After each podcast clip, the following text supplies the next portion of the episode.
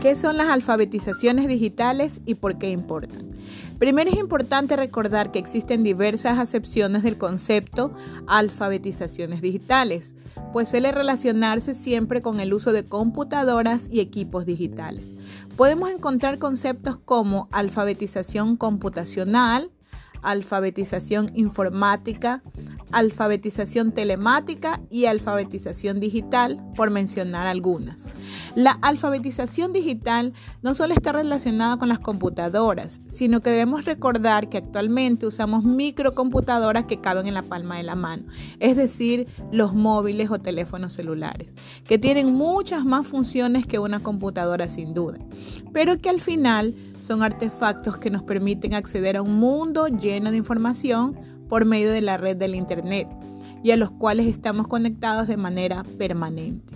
Hablar de alfabetizaciones digitales nos tomaría mucho espacio y lo central es que hablemos sobre los procesos normales digitales y las habilidades que debemos desarrollar. Existen diferentes tipos de alfabetizaciones digitales que están relacionadas con las diferentes habilidades que se desarrollan en cada una de ellas.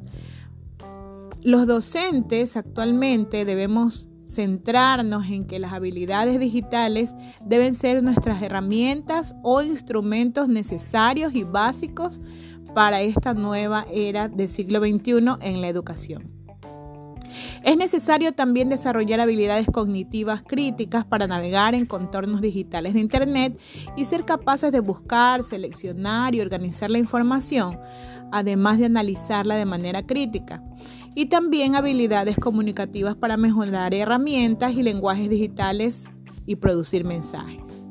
Entonces, podemos entender que en la era digital sin duda necesitamos alfabetizarnos por medio de todas las herramientas que nos sirven para la comunicación, principalmente con los niños, niñas y adolescentes.